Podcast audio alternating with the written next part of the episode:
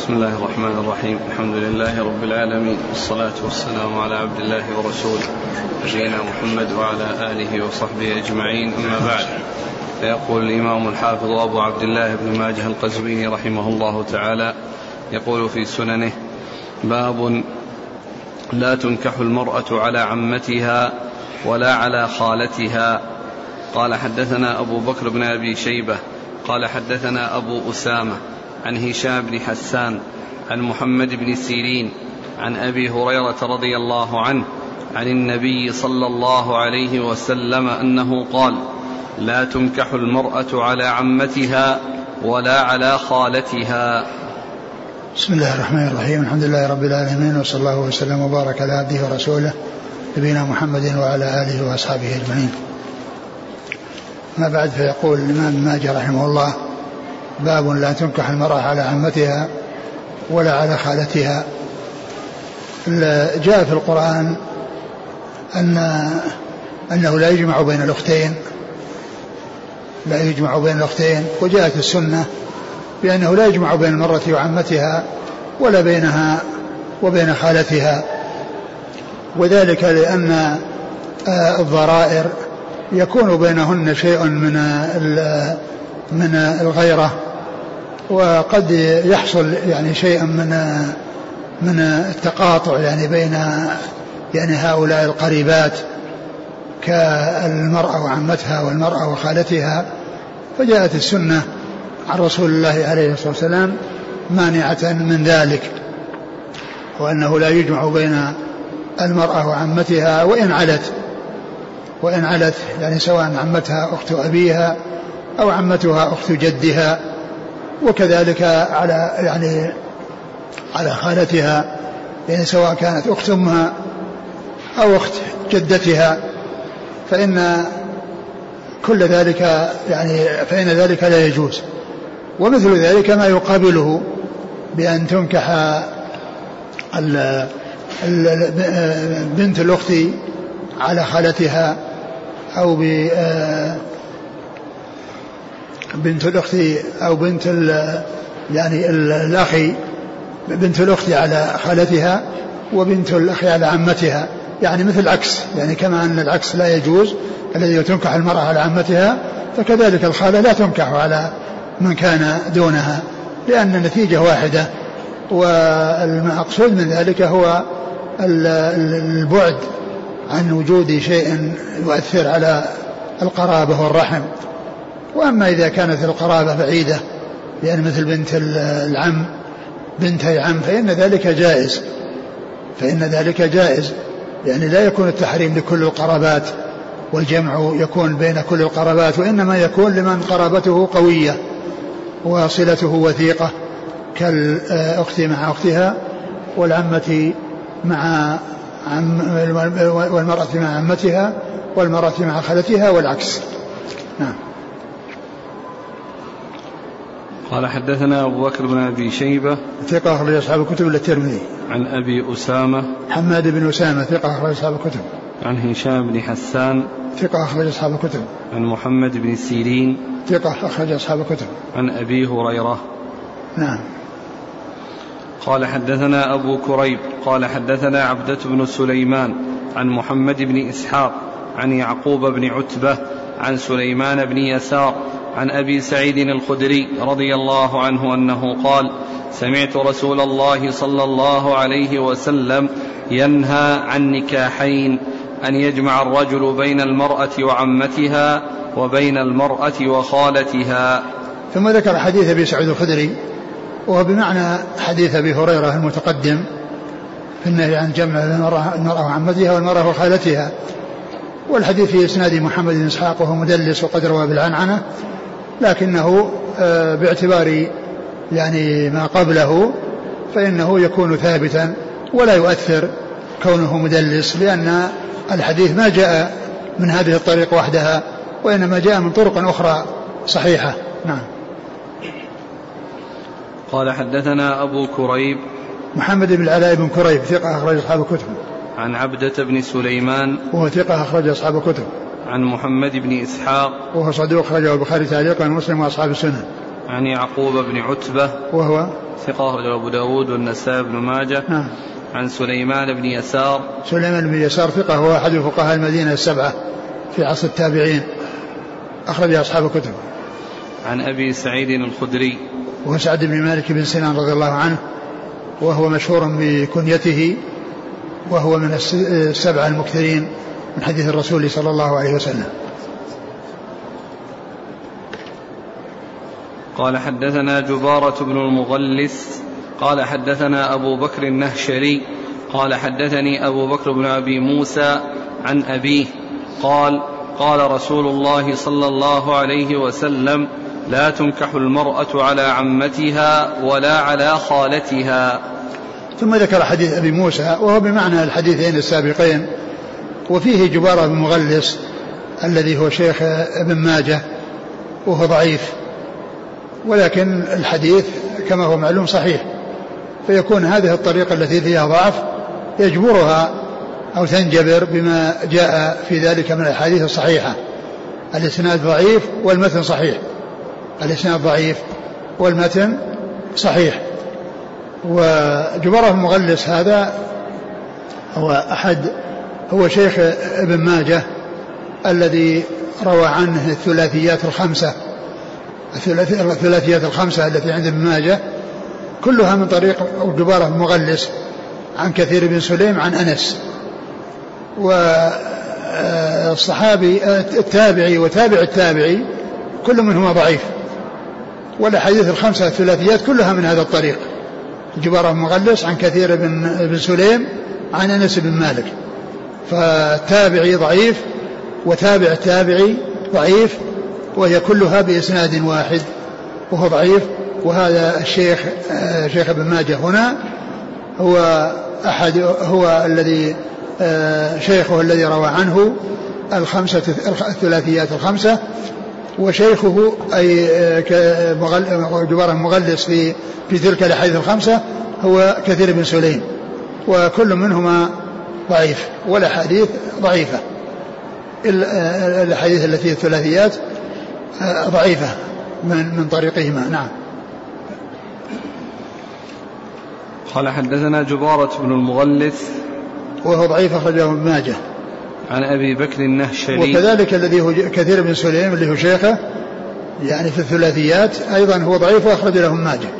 يعني كثير بن سليم وجوار مغلس انفرد بالإخراج له ماجه وهما ضعيفان. عن أبي بكر النهشري وهو صدوق له مسلم والترمذي والنسائي بن ماجه. نعم. عن أبي بكر بن أبي موسى. وهو ثقة أخرج أصحاب الكتب. عن أبي أبي موسى الأشعري وهو عبد الله بن قيس رضي الله عنه أخرج له أصحاب الكتب. يقول السائل هل يدخل في ذلك العمة والخالة من الرضاعة؟ اي نعم. لأنه يحرم من الرضاعة ما يحرم من النسب قال رحمه الله تعالى باب الرجل يطلق امرأته ثلاثا فيتزوج فيطلقها قبل أن يدخل بها. أترجع إلى الأول؟ قال حدثنا أبو بكر بن أبي شيبة قال حدثنا سفيان بن عيينة عن الزهري قال أخبرني عروة عن عائشة رضي الله عنها أن امرأة رفاعة القرظي جاءت إلى رسول الله صلى الله عليه وسلم فقالت إني كنت عند رفاعة فطلقني فبت طلاقي فتزوجت عبد الرحمن بن الزبير وإنما معه مثل هدبة الثوب فتبسم النبي صلى الله عليه وسلم فقال أتريدين أن ترجعي إلى رفاعة؟ لا حتى تذوقي عسيلته ويذوق عسيلتك. ثم ذكر بعض المرأة تتزوج فيطلقها زوجها ثلاثا ويتزوج ويتزوجها. الرجل يطلق امرأته ثلاثا فيتزوج فيطلقها قبل أن يدخل بها. آه، الرجل يطلق امرأته ثلاثا فيتزوج يعني رجل آخر يعني بها. فيطلقها ذلك الرجل الثاني قبل أن يدخل بها يعني قبل أن يطأها.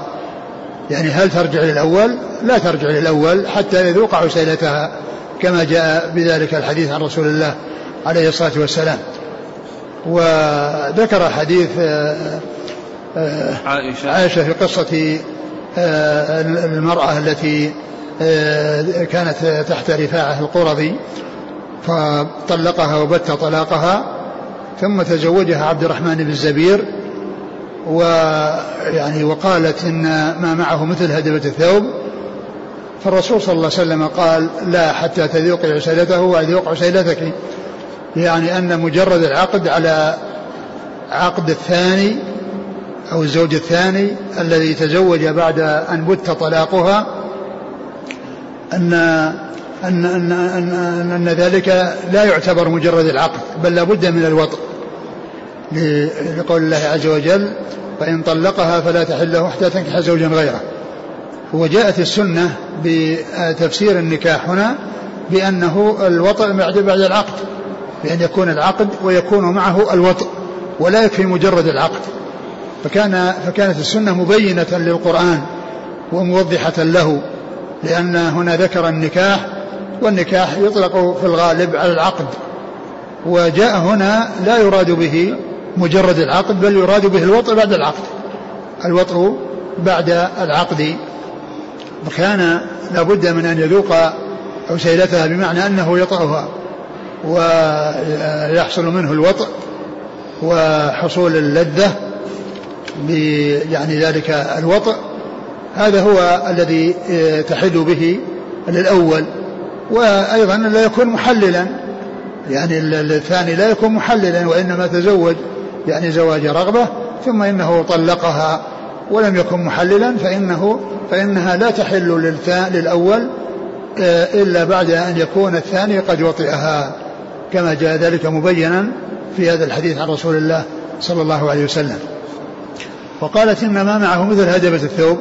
قيل أن المراد به يعني أن المراد به أنه الذي معه أنه رخو مثل مثل هدبة الثوب. وهدبة الثوب هي طرفه الذي لم يعني تحصل حياكته لأن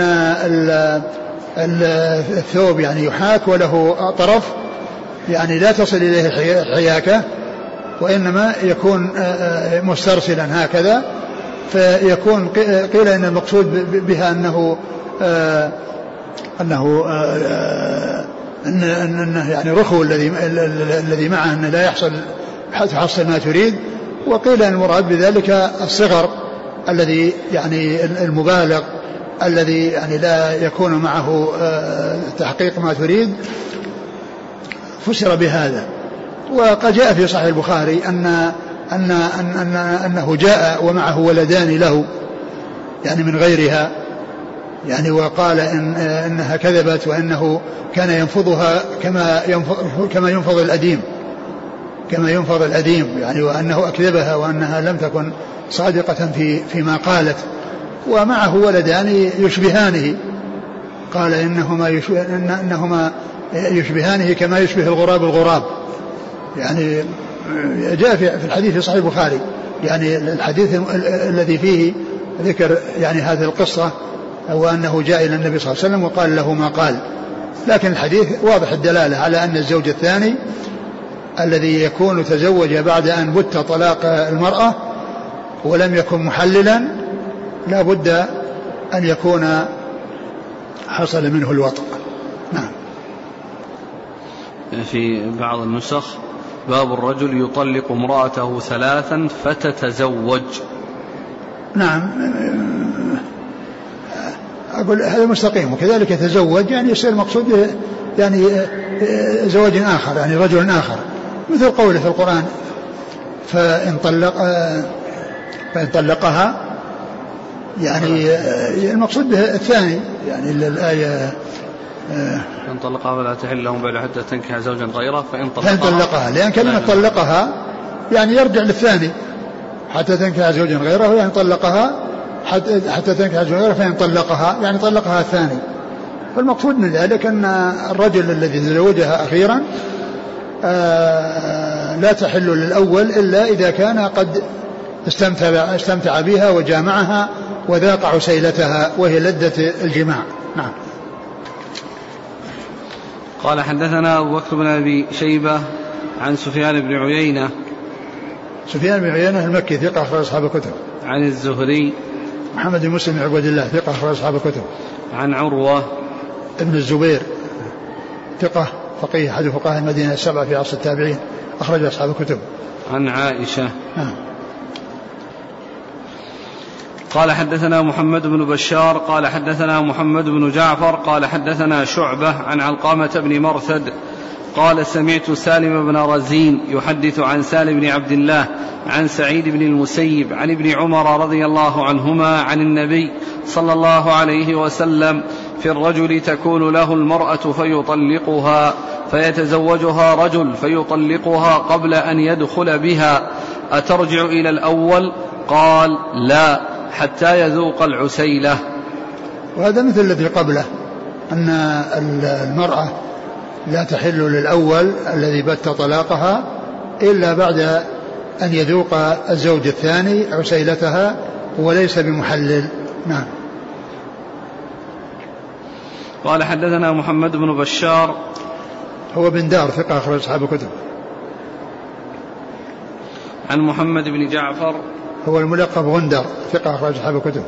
عن شعبة. شعبة بن الحجاج الواسطي ثم البصري ثقة أخرج أصحاب الكتب. عن علقمة بن مرثد. وهو ثقة أخرج له. أصحاب الكتب. نعم. عن سالم بن رزين. وهو؟ مجهول أخرجه النسائي بن ماجه. نعم. عن سالم بن عبد الله. وهو آه، ثقة فقيه أخرج أصحاب الكتب. عن سعيد بن المسيب. ثقة أخرج أصحاب الكتب. عن ابن عمر. عن ابن عمر رضي الله عنهما. والحديث الذي فيه رجل مجهول لا يؤثر لأن الحديث الذي قبله آه ثابت فيكون آه آه فيكون ذكر المجهول فيه لا يؤثر. نعم. الإسناد ضعيف والمتن صحيح. يقول السائل من تزوج امرأة مطلقة ودخل بها ولكن ليس له نية بها نيته الإصلاح بينها وبين زوجها الأول القديم لأن معهم أطفال قد طلقها الأول ثلاث طلقات. يعني هذا هو نفسه يعني أنه أراد التحليل يعني ما أراد البقاء لأن المقصود بالزواج هو الاستمرار ليس المراد به أن يتزوج ويطلق فإن يعني هذا هو من جنس المحلل. هو محلل لأنه ما تزوجها رغبة بها وإنما ليرجعها إلى زوجها.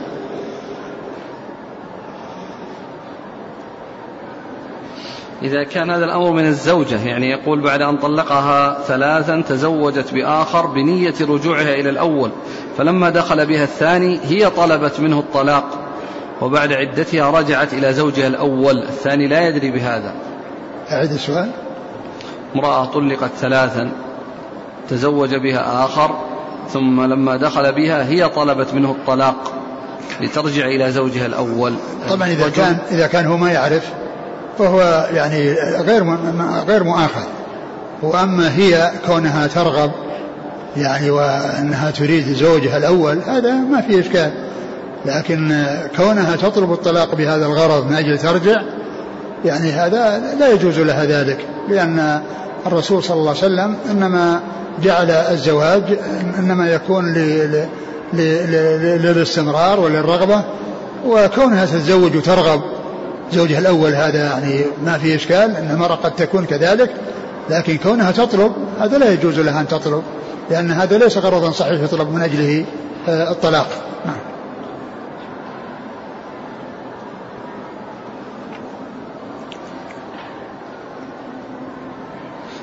إذا وقع مثل هذا ما حكم الزواج؟ الزواج صحيح لأن كون المرأة تريد زوجها الأول وتفكر في زوجها الأول هذا هذا ما في إشكال. وليس بينهم اتفاق على هذا. وذاك معذور لأنه تزوج للاستمرار. وكذلك يبقى على الاستمرار وليس لها ولا يجوز لها أن تطلب لهذا الغرض. لأن هذا ليس غرضا صحيحا يطلب من أجله الفراق. السؤال كذلك عن صحة الزواج إذا كان تحليل فقط. الزواج صحيح. الزواج صحيح وهو أخذها للاستمرار ولا يعتبر محللا. فهمنا جزاك الله خير مسألة يعني عدم نية الزوج. نعم. لا السؤال عن نفس الحديث. من تزوجت برجل آخر فقط بقصد التحليل وهو ناوي أن يحلل فقط ليرجعها إلى الزوج الأول. رجعت إلى الزوج الأول عقد عليه. اللي ناوي منه؟ الزوج الزوج والزوجة بس قالوا له أعقد وحللها لترجع للزوج الأول. حللها؟ أي. يعني قالوا للزوج الثاني حللها؟ نعم. هذه نفس هي هو نفس المحلل نعم لكن الآن لما رجعت للزوج الأول بعد هذه الحيلة لا يجوز. ما حكم الزوج ما حكم يجوز العقد؟ ما يجوز ما يجوز, ما يجوز إلا ب- بزواج رغبة وليس بزواج تحليل. لأن الز- الزواج الذي قصد قصده التحليل لا يعتبر.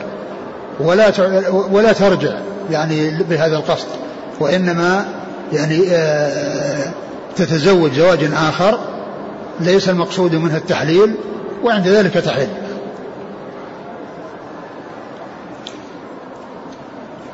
قال رحمه الله تعالى باب المحلل والمحلل له. قال حدثنا محمد بن بشار قال حدثنا أبو عامر عن زمعة بن صالح عن سلمة بن وهرام عن عكرمة عن ابن عباس رضي الله عنهما أنه قال لعن رسول الله صلى الله عليه وسلم المحلل والمحلل له. ثم ذكر المحلل والمحلل له. المحلل هو الزوج الثاني الذي تزوج المرأة ليحلها لزوجها الأول. والمحلل له هو الذي اتفق معه على هذا يعني سواء كانت كانت الزوجة أو كان الاتفاق بينه وبين بينه وبين الزوجة أو بينه وبين وليها آه، كل ذلك داخل تحت قوله المحلل له المحلل له. قد يكون الزوج آه، الولي ما درى عنها ولا يعرف هذا ولكن المرأة هي التي اتفقت معه على هذا الشيء فتكون هي هو محلل وهي يعني آه هو محلل وهي محلل يعني أو محللة يعني آه هي ال- ال- ال- الساعيه للتحليل التي حلل لها. فهذا مثل ما لو كان وليها هو الذي اتفق مع الزوج. المهم أن هذا محلل. النتيجة أن هذا محلل وزواجه غير صحيح. نعم. قال حدثنا محمد بن بشار عن أبي عامر العقدي وهو عبد الملك بن عمرو ثقة أخرجه أصحاب الكتب. نعم. عن زمعة بن صالح. وهو ضعيف أخرجه مسلم وأبو داود في المراسيل والترمذي والنسائي بن ماجه. نعم. عن سلمة بن وهرام. وهو صدوق أخرجه الترمذي وابن ماجه. نعم. عن عكرمة عن ابن عباس. أكرم مولى بن عباس ثقة أخرج أصحاب الكتب. والحديث في إسناده من هو متكلم فيه ولكنه ثابت. الحديث من طرق أخرى فالإسناد يعني فيه ضعف والمتن صحيح. قال حدثنا محمد بن إسماعيل بن البختري الواسطي قال حدثنا أبو أسامة عن ابن عون ومجالد عن الشعبي عن الحارث عن علي رضي الله عنه أنه قال لعن رسول الله صلى الله عليه وسلم المحلل والمحلل له. وهذا مثل الذي قبله. قال حدثنا محمد بن إسماعيل بن البختري البختري. وهو صدوق وله الترمذي وابن ماجه. نعم. عن أبي أسامة. حماد بن أسامة ثقة أخرجها أصحاب الكتب. عن ابن عون. وهو عبد الله بن عون ثقة أخرج أصحاب الكتب. ومجالد. وهو ليس بالقوي. أخرج له مسلم وأصحاب السنن. نعم. عن الشعبي. عامر بن شراحيل الشعبي ثقة أخرج أصحاب الكتب. عن الحارث. وهو الأعور وهو في حديثه ضعف. نعم. أخرج أصحاب السنن. نعم. عن علي. أمير المؤمنين ورابع الخلفاء الراشدين الهادي المهديين. صاحب المناقب الجمة والفضائل الكثيرة رضي الله عنه وأرضاه وحديثه عند أصحاب الكتب الستة. قال حدثنا يحيى بن عثمان بن صالح المصري. قال حدثنا أبي. قال سمعت الليث بن سعد يقول قال لي أبو مصعب مشرح بن هاعان قال عقبة بن عامر رضي الله عنه قال رسول الله صلى الله عليه وسلم ألا أخبركم بالتيس المستعار؟ قالوا بلى يا رسول الله.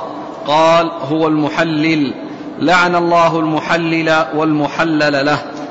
ثم ذكر هذا الحديث الذي فيه ما في ما, ما في الحديث التي قبله من لعن المحلل والمحلل له وفيه زيادة زيادة تسميته التيس المستعار. لأن لأن الزواج ليس زواج رغبة وزواج استمرار وإنما هو إعارة.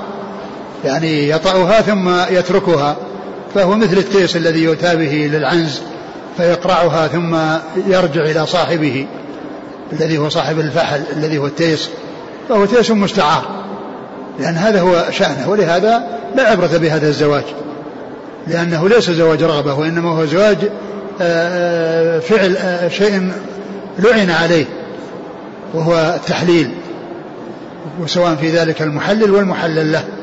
كما جاء في في عدة الأحاديث التي فيها لعن المحلل والمحلل له. وهذا يدل على أنه من الكبائر لأن الكبيرة هي ما كان عليه حد في الدنيا أو توعد عليه بلعنة أو غضب أو نار. نعم. قال حدثنا يحيى بن عثمان بن صالح المري المصري. المصري هو صدوق خليل ابن ماجه وأبوه صدوق خليل البخاري والنسائي بن ماجه. نعم. عن الليث بن سعد. آه، ثقة أخرج أصحاب الكتب. عن أبي مصعب مشرح بن هاعان. وهو؟ مقبول خرج البخاري في خلق أفعال العباد وأبو داود والترمذي وابن ماجه. نعم. عن عقبة بن عامر. رضي الله عنه أخرجه أصحاب الكتب. وهذا الذي هو عثمان بن صالح قال الحافظ بن حجر في ترجمته ثبت أنه لقي صحابيا من الجن. أنه لقي صحابيا من الجن. وجاء في تهذيب التهذيب أن اسمه عمرو بن طلق اللي هو ذلك الجني و وقال إنه يعني جاء عن طريق الطبراني وابن عدي رواه عن طريق الطبراني وكلام الحافظ بن حجر في التقريب يفيد أنه ثابت. ولا ندري عن الصحة والحقيقة. لكنه إن كان يعني ذلك ثابتا فهذا يدل على طول عمر, عمر الجن لأن هذا من الطبقة العاشرة هو من شيوخ البخاري اللي هو عثمان بن صالح المصري روى عنه حديثين. ف وقد كانت وفاته سنة 219 والصحابة معلوم أن آخرهم موتا يعني كان سنة 110 يعني هذا على أبعد ما قيل. فإذا كان يعني ذلك صحابيا معنى ذلك أن الجن أعمارهم تطول. لأن هذا إذا كان لقي النبي في كان في زمن النبي صلى الله عليه وسلم و ويعني هذا الذي يعني لقيه كانت وفاته سنة 219 ولادته سنة 44 اللي هو عثمان بن صالح. لا ندري عن الحقيقة. حافظ بن حجر يقول إنه ثبت يعني في التقريب. نعم. وهذا يعني معلوم أن الجن يعني يتشكلون على شكل الإنس والشيطان الذي كان يأخذ من الطعام عند أبي هريرة وكان يعني تردد عليه عدة مرات وقال أعلمك يعني آية أنه يقرأ آية الكرسي وأنه لا يقربه شيطان. قال الرسول صلى الله عليه وسلم صدقك وهو كذوب. أتدري من من تخاطب منذ ثلاث؟ قال ذلك شيطان. يعني أنه من الجن ولكن جاء على صورة الإنس. نعم. قال رحمه الله تعالى باب يحرم من الرضاع ما يحرم من النسب. قال حدثنا أبو بكر بن أبي شيبة قال حدثنا عبد الله بن نمير عن الحجاج عن الحكم عن عراك بن مالك عن عروة عن عائشة رضي الله عنها أنها قالت قال رسول الله صلى الله عليه وسلم يحرم من الرضاع ما يحرم من النسب. ثم ذكر باب ما يحرم من الرضاع ما يحرم من النسب. وأورد في هذا الحديث الذي هو بنفس الترجمة يحرم من الرضاع ما يحرم من النسب. وهذا من جوامع كلمة صلى الله عليه وسلم فإنه يأتي بالكلام العام الشامل الذي يدخل تحته آه، أمور كثيرة. فاللفظ قليل والمعنى واسع. يعني المبنى قليل والمعنى واسع. فقوله صلى الله عليه وسلم يحرم من الرضاع ما يحرم من النسب. هو أن الإنسان إذا رضع من امرأة إذا رضع من امرأة فهذه المرأة هي أمه من الرضاع وأولادها جميعا سواء كانوا من زوج واحد أو من أزواج متعددين. ويعني آه، فإنهم يكون إخوان له من الرضاعة وكذلك أمها يعني وعماتها وجداتها وكل من على هو يعني يعتبر يعني آه، عما له يعني يعتبر جد جدتها جدة له من الرضاع. يعني أمها, أمها, أمها من النسب سواء من جهة أبيها أو أمها فإنها كلهن أمهات أو جدات له من الرضاع.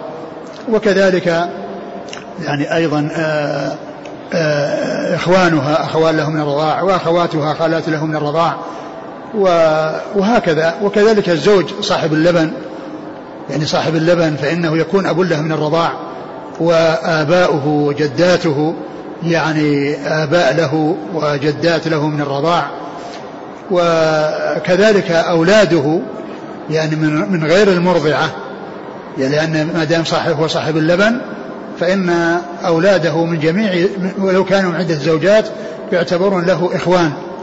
يعني لأنه لأنه يعتبر أبوه من الرضاع. ف يعني يحرم من الرضاع ما يحرم من النسب. يعني يدخل تحت هذا اللفظ القليل معاني كثيرة. نعم. قال حدثنا أبو بكر بن أبي شيبة عن عبد الله بن نمير. هو ثقة أخرج أصحاب الكتب. عن الحجاج. الحجاج هو بن بن أرطاه وهو. صدوق كثير الخطأ والتدليس. نعم. وذا البخاري في المفرد ومسلم وأصحاب السنن. نعم. عن الحكم. حكم بن عتيبة الكندي ثقة أخرج أصحاب الكتب. عن عراك بن مالك. وهو ثقة أخرج له. أصحاب الكتب. نعم. عن عروة عن عائشة. عن عروة عن عائشة رضي الله تعالى عنها. والحديث في إسناده الحجاج بن رطاه ولكن الحديث ثابت وهو في الصحيحين. نعم.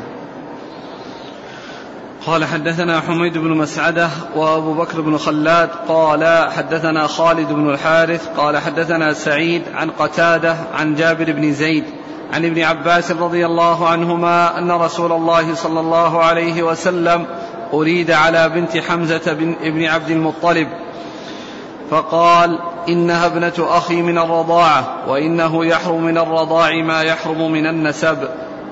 ثم ذكر هذا الحديث عن ابن عباس. عن عن عبد الله بن عباس أن النبي صلى الله عليه وسلم أريد يعني منه الزواج من ابنة حمزة ابن عبد المطلب يعني عمه فقال إنها ابنة أخي من الرضاعة يعني أنه أنه حمزة رضعه أو أنهما متراضعان. فقال إنها ابنة أخي من الرضاعة يعني فلا تحل لي. هي ابنة عم وبنات العم حلال. ولكن الحرمة جاءت من آه، كونها ابنة آه، أخيه من الرضاع. ويحرم من الرضاع ما يحرم من النسب. نعم. قال حدثنا حميد بن مسعدة. صدوق أخرجه مسلم وأصحاب السنن. وأبو بكر بن خلاد. صدوق أخرج له؟ ثقة. ثقة؟ نعم. محمد. أبو بكر بن خلاد الباهلي. هو محمد بن خلاد. نعم. ثقة؟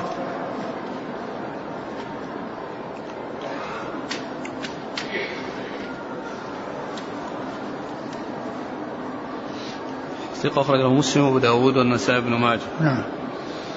عن خالد بن الحارث وهو ثقة أخرج أصحاب الكتب. عن سعيد. ابن ابن أبي عروبة ثقة ثقة ابن أبي عروبة ثقة أخرج أصحاب الكتب. عن قتادة. قتادة ثقة أخرج أصحاب الكتب. عن جابر بن زيد. هو أبو الشعثة ثقة أخرج أصحاب الكتب. عن ابن عباس. نعم.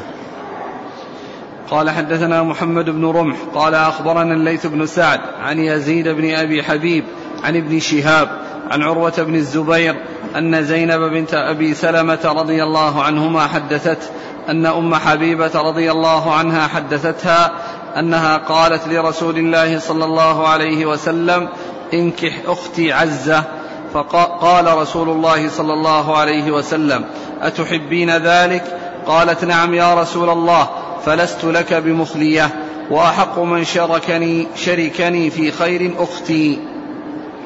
قال رسول الله صلى الله عليه وسلم فإن ذلك لا يحل لي. قالت فإنا نتحدث أنك تريد أن تنكح درة بنت أبي سلمة. فقال بنت, أم بنت أم سلمة؟ قالت نعم. قال رسول الله صلى الله عليه وسلم فإنها لو لم تكن ربيبتي في حجري ما حلت لي. إنها لابنة أخي من الرضاعة. أرضعتني وأباها ثويبة. فلا تعرضن علي أخواتكن, أخواتكن ولا بناتكن. ثم ذكر هذا الحديث عن زينب بنت أبي سلمة. أم حبيبة. عن عن ام حبيبة رضي الله عنها. حدث زينب عن أم حبيبة أنها قالت للنبي صلى الله عليه وسلم انكح أختي عزة. فقال أو تحبين ذلك؟ أو تريدين ذلك? قالت نعم لست بك بمخلية. يعني ما أنا منفردة بك. أنا يعني لي شريكات. وأحب من يشاركني أختي. أحب من يشاركني في خير أختي. فأنا لست لك بمخلية يعني منفردة بك. يعني لا, يعني ليس عندك إلا أنا وإنما عندك زوجات عديدات وهن مشاركات لي في ذلك وأختي أحب إلي أحب مشاركتها لي في الخير وهي زواج من رسول الله صلى الله عليه وسلم. فقال فإنها لا تحل لي لأنها أخت ولا يجمع بين الأختين.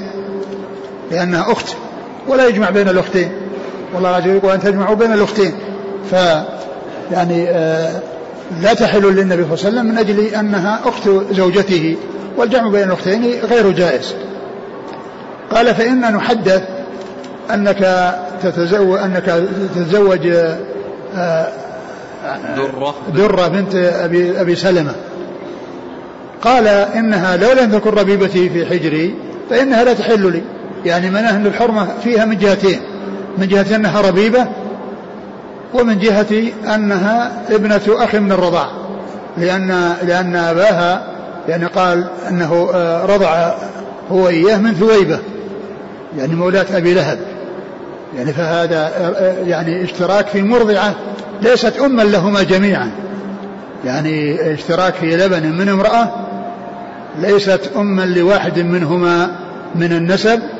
وإنما هما كلهما يعني آه، مسترضعين وهما إخوان من الرضاعة.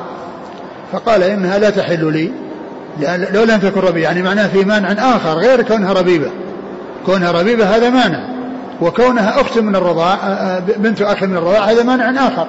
ثم قال عليه الصلاة والسلام لا تعرضن علي أخواتكن ولا بناتكن لا تعرضن علي بناتكن ولا أخواتكن.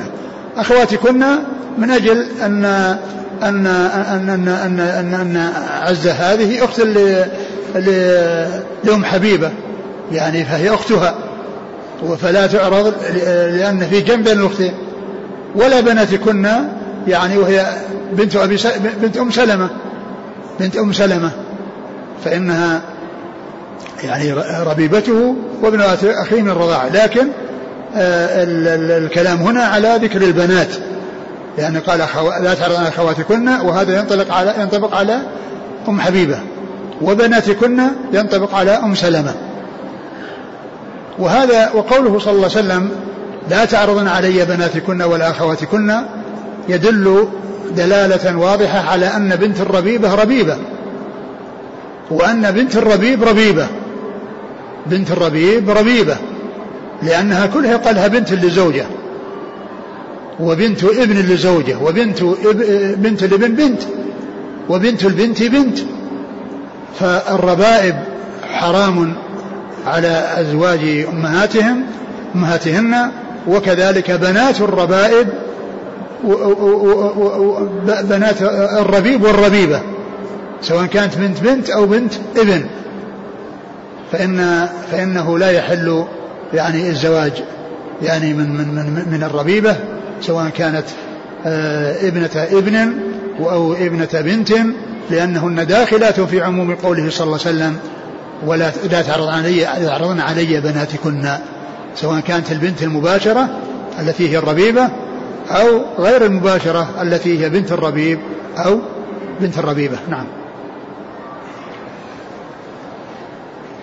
قال حدثنا محمد بن رمح المصري وهو ثقة أخرجه مسلم. ابن ماجه. نعم. عن الليث بن سعد. نعم. عن يزيد بن هار بن أبي حبيب. وهو ثقة أخرج أصحاب الكتب. عن ابن شهاب عن عروة بن الزبير عن زينب بنت أبي سلمة. رضي الله عنها أخرج أصحاب الكتب. عن أم حبيبة. رضي الله عنها أخرج أصحاب الكتب. قال حدثنا أبو بكر بن أبي شيبة قال حدثنا عبد الله بن نمير عن هشام بن عروة عن أبيه عن زينب بنت أم سلمة عن أم حبيبة رضي الله عنهن. عن النبي صلى الله عليه وسلم نحوه. نعم. الإسناد كله مضى نعم. نعم. قال رحمه الله تعالى باب لا تحرم المصة ولا المصتان. قال حدثنا أبو بكر بن أبي شيبة. قال حدثنا محمد بن بشر.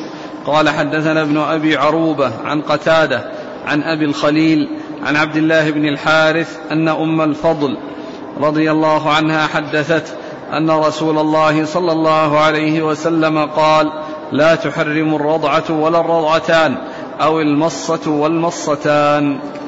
ثم ذكر باب لا تحرم المصة والمصتان يعني في الرضاع لأن الرضاع المعتبر هو ما كان في الحولين ما كان في الحولين وكان يعني بخمس رضعات فأكثر. وكان خمس رضعات فأكثر. فلو أنه حصل آه، الرضاع يعني في غير الحولين فإنه لا يعتبر وكذلك لو حصل أقل من خمس فإنه لا يعتبر لا لا لا تنتشر به الحرمة. ولا يكون آه، ابن من الرضاع ولا يعني ما يترتب على ذلك من من فروع. يعني يحرم من الرضاع ما يحرم من النسب مما يدخل تحت عموم يحرم من الرضاع ما يحرم منه وإنما يكون فيما إذا كان خمس رضعات يعني فأكثر وكان ذلك في الحولين وكان ذلك في الحولين فلا بد من اعتبار العدد ولا بد أن يكون في زمن الرضاع. يعني فهذا يعني مثل الرضاع الكبير لأنه ليس في الحولين فليس ال فليس ال اللبن هو الذي يعني يطعم به الكبير وإنما هذا يطعم للصغير الذي هو دون الحولين. ثم أورد هذا الحديث عن النبي صلى الله عليه وسلم أنه قال لا تحرم المصة ولا والمصتان لا تحرم الرضعة ولا الرضعتان ولا المص أو المصة والمصتان. لا تحرم الرضعة والرضعتان والمصة والمصتان وهو بمعنى واحد لأن الرضعة قد تكون قليلة وقد تكون كثيرة. فلو مص الثدي ولو كان قليلا اعتبرت رضعة. ولو مسكه أخذ مدة طويلة وهو يرضع فإنها رضعة آه، المهم أن يكون التقم الثدي ويعني أطلقه سواء طال المكث أو قصر المكث.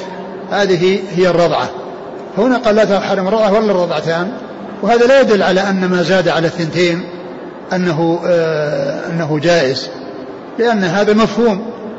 يعني أنه يحرم أن ما كان على أن ما كان فوق الرضعتين أو المصتين أنه يحرم لأن هذه دلالة مفهوم لكن جاءت جاء الدليل على أن الرضاع المحرم هو ما كان بخمس ما كان خمس رضعات هذا هو الذي يكون بالتحريم. فما دونه؟ اللي هي الأربعة والثلاث مثل الثنتين والواحدة. مثل الثنتين والواحدة فإن ذلك لا يحرم. نعم. قال حدثنا أبو بكر بن أبي شيبة عن محمد بن بشر ثقة أخرج أصحاب الكتب. عن ابن أبي عروبة عن قتادة عن أبي الخليل. وهو؟ وثقه ابن معين والنسائي رجل أصحاب الكتب. نعم. عن عبد الله بن الحارث وهو؟ له رؤية رجل أصحاب الكتب. نعم. عن أم الفضل. لبابة بنت الحارث الهلالية أخت ميمونة بنت الحارث الهلالية رضي الله تعالى عنهما و وهي زوجة العباس وأم أبنائه وأكبرهم الفضل فالعباس هو كنيته أبو الفضل وهي كنيتها أم الفضل وهي لبابة بنت الحارث وهي الكبرى وأما لبابة آه، الصغرى فهي أم خالد بن الوليد. وأخرج لها أصحاب الكتب الستة التي هي آه، أم الفضل. نعم. قال حدثنا محمد بن خالد بن خراش بن خداش قال حدثنا ابن علية عن أيوب عن ابن أبي مليكة عن عبد الله بن الزبير رضي الله عنهما عن عائشة رضي الله عنها عن النبي صلى الله عليه وسلم أنه قال لا تحرم المصة ولا المصتان. ثم ذكر حديث عائشة رضي الله عنها ومثل الذي قبله. نعم. قال حدثنا محمد بن خالد بن خداش. وهو؟ صدوق يغرب خرج له ابن ماجه. عن ابن علية اسماعيل بن إبراهيم بن علية ثقة أخرج أصحاب الكتب. عن أيوب. إسماعيل بن إبراهيم بن علية هذا إمام محدث يعني وهو من رجال الكتب الستة وله ابن اسمه إبراهيم. وهذا يخالف ابنه.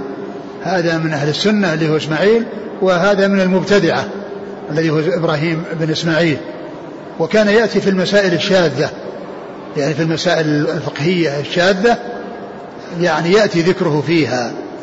يعني مثل مسألة الإجارة ذكر ابن رشد في بداية المجتهد أن الإجارة خالف في جوازها ابن علية والأصم وابن علية جهمي والأصم معتزلي.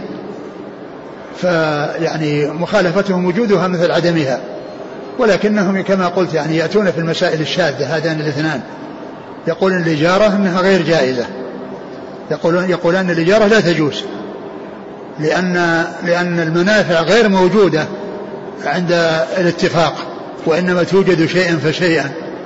وهذا يعني قول باطل وساقط ولا قيمة له لأنه يترتب يلزم عليه أن كل إنسان إما أن يحيط بجميع الحرف ويكون يعني يخدم نفسه بنفسه وإما أن الناس يحسنون إليه. أما كون واحد يستأجر فهذا لا يجوز. عند عند هذين يعني اللي هو الأصم أبو بكر بن كيسان. هذا أبو بكر بن كيسان الأصم هو المعتزلي. وأما الأصم الذي هو أبو أبو هذا اللي هو شيخ الحاكم أبو له أبو نسيت كليته لكنه ثقة وهو من شيوخ الحاكم ومشهور بالأصم. وهذا يقال الأصم والمقصود به أبو بكر بن كيسان الذي يأتي في مسائل الشذوذ. الذي يأتي في مسائل الشذوذ. فقال عنه الذهبي في الميزان جهمي هالك. قال عنه الذهبي في الميزان جهمي هالك. كان يجادل بخلق القرآن ويقول بخلق القرآن ويجادل على ذلك. نعم. عن أيوب. أيوب بن أبي تميمة السختياني ثقة أخرج أصحاب الكتب. عن ابن أبي مليكة. وهو ثقة أخرج أصحاب الكتب. عن عبد الله بن الزبير. رضي الله عنه أخرج أصحاب الكتب. عن عائشة. نعم. قال حدثنا عبد الوارث بن عبد الصمد بن عبد الوارث. قال حدثنا أبي. قال حدثنا حماد بن سلمة عن عبد الرحمن بن القاسم عن أبيه عن عمرة عن عائشة رضي الله عنها أنها قالت كان مما أنزل الله من القرآن ثم سقط لا يحرم إلا عشر رضعات أو خمس معلومات. ثم ذكر هذا الحديث عن عن عائشة. عن عائشة رضي الله عنها أن أن أن النبي صلى الله عليه وسلم قال كان مما أنزل الله من القرآن. مما أنزل الله من القرآن عشر. ثم سقط. عشر ثم سقط. لا ما في. لا عشر, عشر أو خمس. ما في. كان مما أنزل الله من القرآن ثم سقط. نعم. لا يحرم إلا عشر رضعات أو خمس معلومات. نعم لا كان مما أنزل من القرآن ثم سقط يعني نسخ خمس عشر رضعات أو خمس معلومات. لا يحرم إلا عشر رضعات أو خمس معلومات. وهذا يعني فيه ذكر الإجمال يعني وبين ذكر الخمس والعشر. ولكنه جاء في صحيح مسلم يعني موضحا. أن أنها أن, في ومتنه ولفظه عند مسلم كان فيما أنزل عشر رضعات معلومات يحرمنا فنسخنا بخمس معلومات. وتوفي رسول الله صلى الله عليه وسلم وهن فيما يقرأ من القرآن. وتوفي رسول الله صلى الله عليه وسلم وهن فيما يقرأ من القرآن. العشر المعلومات آه نسخت كانت يعني قرآنا ونسخت تلاوة وحكما. لأن الحكم يعني منسوخ والتلاوة غير منسوخة. التلاوة غير موجودة والحكم غير, غير موجود وهو أن أنه يحرم عشر أما الخمس فإنها منسوخة التلاوة باقية الحكم. أما الخمس فإنها باقية منسوخة التلاوة باقية الحكم لأنها لا توجد في المصحف. وجاء في الحديث في مسلم فتوفي رسول الله صلى الله عليه وسلم وهن فيما يقرأ من القرآن يعني الخمس. وهذا يعني معلوم أن القرآن ليس فيه يعني هذا الكلام. وقيل أنه لعل بعض الصحابة يعني ما عرف أنه قد نسخ وإنما عرف ذلك قبل النسخ ولكنه لم يعرف أنه حصل منه النسخ فكان يعني يتحدث بذلك فتوفي رسول الله وهن فيما يقرأ من القرآن أو أنهم كانوا يعني يعتقدون أن هذا يعني شيء موجود. ثم وكان ذلك عند وفاته صلى الله عليه وسلم وبعد ذلك علموا بأنه آه، أن ذلك الحكم نسخ. يعني فيكون كل من العشر والخمس نسخت تلاوة والعشر نسخت أيضا حكما وأما الخمس فإنها نسخت تلاوة وبقيت حكما. نعم. قال حدثنا عبد الوارث بن عبد الصمد بن عبد الوارث. هو؟ صدوق له مسلم والترمذي والنسائي بن ماجه. نعم. عن أبيه. وهو؟ صدوق له أصحاب الكتب. نعم. عن حماد بن سلمة. يروي عن حماد عبد الصمد؟ أي نعم. نعم. نعم. يعني حماد بن سلمة ثقة أخرجه البخاري تعليقا ومسلم وأصحاب السنة. عن عبد الرحمن بن القاسم. عبد الرحمن بن القاسم هو ثقة أخرج أصحاب الكتب. عن أبيه. وهو القاسم بن محمد ثقة أخرج أصحاب الكتب. عن عمرة. عمرة بنت عبد الرحمن الأنصارية ثقة أخرج أصحاب الكتب عن عائشة. وهي مكثرة من الرواية عن عائشة. نعم. قال رحمه الله تعالى باب رضاع الكبير. والله تعالى أعلم وصلى الله وسلم وبارك على عبده ورسوله نبينا محمد وعلى آله وأصحابه أجمعين. جزاكم الله خيرا وبارك الله فيكم. ألهمكم الله الصواب ووفقكم للحق. نفعنا الله ما سمعنا. غفر الله لنا ولكم وللمسلمين أجمعين.